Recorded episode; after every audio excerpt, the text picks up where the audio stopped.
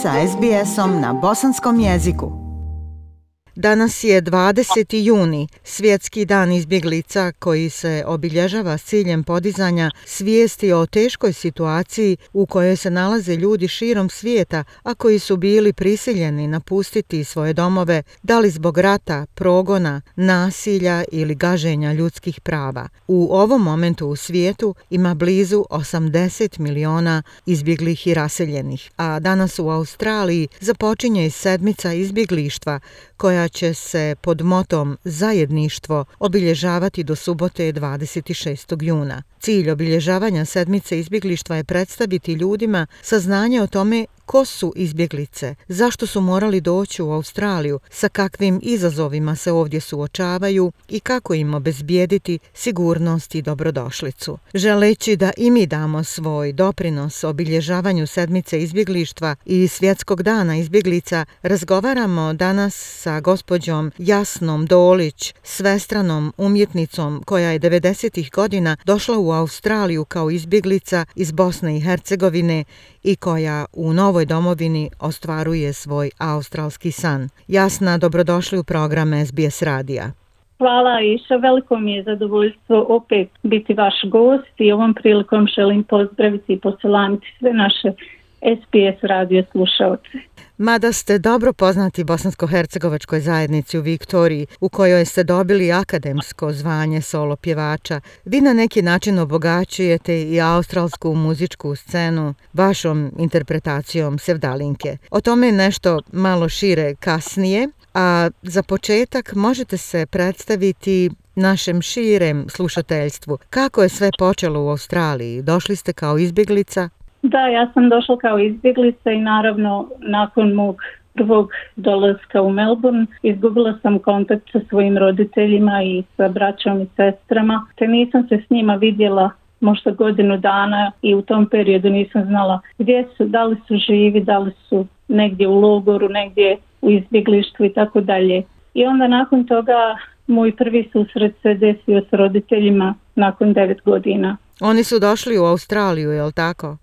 Da, roditelji su došli u Australiju tek nakon prestanka rata. U međuvremenu naravno bili su kao i mnogi i u izbjeglištu i glavni i goli i bosi i smrznuti kao mnogi izbjeglice širom svijeta i nažalost sad trenutno u našem kraju u, Bosanskoj krajini mi smo isto ovaj, posjećeni izbjeglicama iz Sirije, iz raznih zemalja svijeta. Tako da ja se osjećam, a većina nas isto koji živimo tu u Australiji, koji smo došli tim putem, se osjećam s tim ljudima.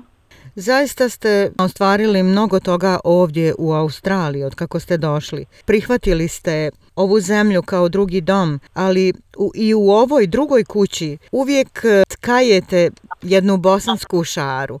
Vi šetate Fitzroy parkom ili pored okeana i pjevate se dalinku ono najljepše bosansko dajete Australiji. Kako gledate na ovu kulturu ovdje i šta smatrate najvrijednijim što je Australija dala vama?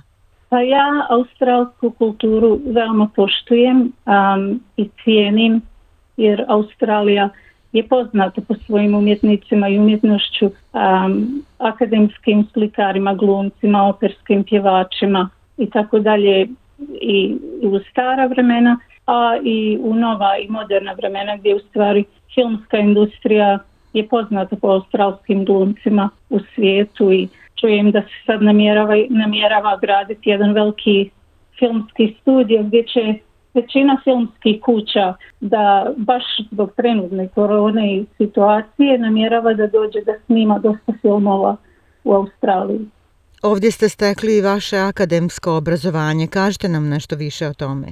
Pa recimo ja kad sam došla u Melbourne u Australiji da posjetim svog brata Jasmina, ja nisam očekivala da ću ostati tu, nisam u stvari ni znala da ću ostati tu i namjeravala sam se vratiti u Sarajevo da nastavim solo pjevanje poslije muzičke škole i završenje u Bihaću. Međutim, desilo se to da je rat počeo, da sam normalno dobila status ste kao i mnogi mi i onda sam tu nastavila s učenjem jezika jer nisam uopšte znala engleski jezik i sad se nekad smijem samo i sebi kad se sjetim kako nisam znala dosta toga ali sve to jedna, jedno veliko bogatstvo, jedan proces učenja. Znači učila sam prvo jezik, išla sam u školu od 9 ujutro do 3 popodne s djecom koja su normalno bila u srednjoj školi i onda sam nakon toga išla u taj da opet usavršavam engleski za dalje studiranje i onda sam prošla na audiciju na kojoj sam dobila stipendiju da studiram solo pjevanje.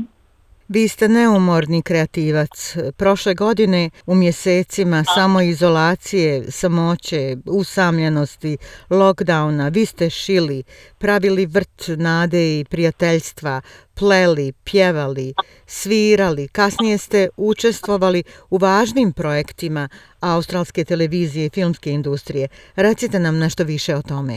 Pa recimo, svaki umjetnik zna da je taj poziv jako težak i da moraš biti svestran da bi opstao, osim ako si veoma, veoma sretan, kažem veoma sretan jer u ovoj industriji je dosta sreća igra ulogu. Tako da sam se ja angažovala u recimo televizijskoj industriji gdje sam učestvovala u mnogo serija kao što su Neighbors, How to Stay Married, u nekoliko filmova, i festivala, online festivala gdje sam recimo i pjevala i svirala i radila ručni rad i tako dalje. Snimili ste i prilog o bosanskoj kuhinji u okviru novog SBS TV kulinarskog šoa koji vodi Adam Liao.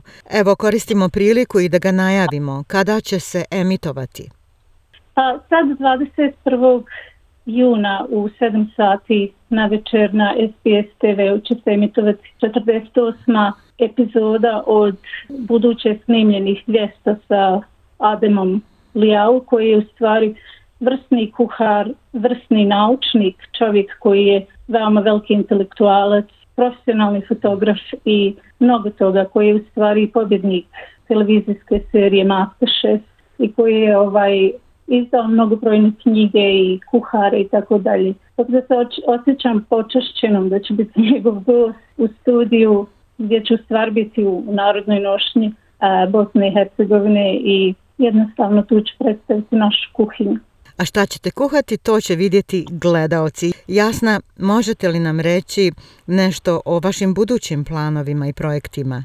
Pa moji budući planovi su uvijek, uvijek se dese nekako spontano i čak mi je to i drago jer nekad čovjek što više planira više mu se u životu ne ostvari i nekada ne ide baš onako kako mi to želimo. Naravno sve ovisi od trenutne ove situacije koliko se možemo kretati po svijetu, ali moja želja je gdje god bude mogla da otpjevam melodiju sevdaha najviše prirodi, to znači rijekama, planinama, šumama. Uraditi što više ručnog rada, kojem će moći svaki imati pristup, recimo vanjskog ručnog rada, poput tapiserija koji trenutno radim u svom lokalnom parku i uz podršku moje općine Dengenong. Naravno ima tu još puno planova, željela bi izdati kuhar bosanske kuhinje jednog dana, baš sa onako autentičnim kuhanjem i onako kako su naše nane kuhale jednostavno i uz drveno um, drvenu, drveni špore, stare ovaj, peć,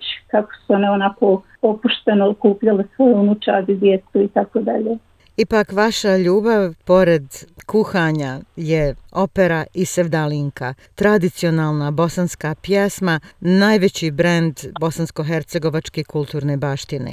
A vaš jasna glas, slavuja i ljepota sevdalinke su jedno – koju ćete nam se danas otpjevati? Pa eto ja sam nekako zavoljela pjesmu Zaplakala šećer džula jer imam nekako, volim pjesme koje imaju značenje i istorijsku vrijednost. Zaplakala šećer džula Osman paše vjerna ljubav Zaplakala Şekercuma Осман Паше Верна люба Мой Османе Где си био Где си войску Изгубио Мой Османе Где si bio, gdje si vojsku izgubio. Predivno. Hvala vam Jasna, ovo je zaista bilo izuzetno. Za kraj, šta biste poručili našim slušaocima?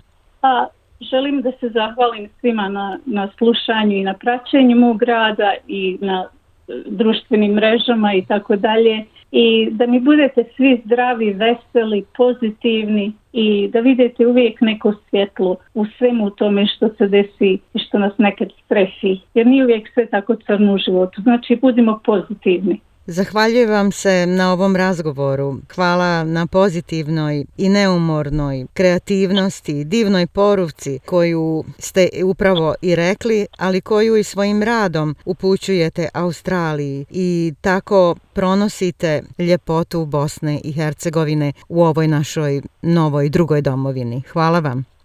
Hvala vama Aisha što ste me upozvali da budem vaš god i gdje mi dajete i za šansu koju mi dajete. Da mogu eto bar nekako učiniti eto neku razliku u svijetu i ovaj možda nekoga nasmijeti, možda nekoga raspoložiti i tako dalje. Like, share, comment. Pratite SBS Bosnian na Facebooku.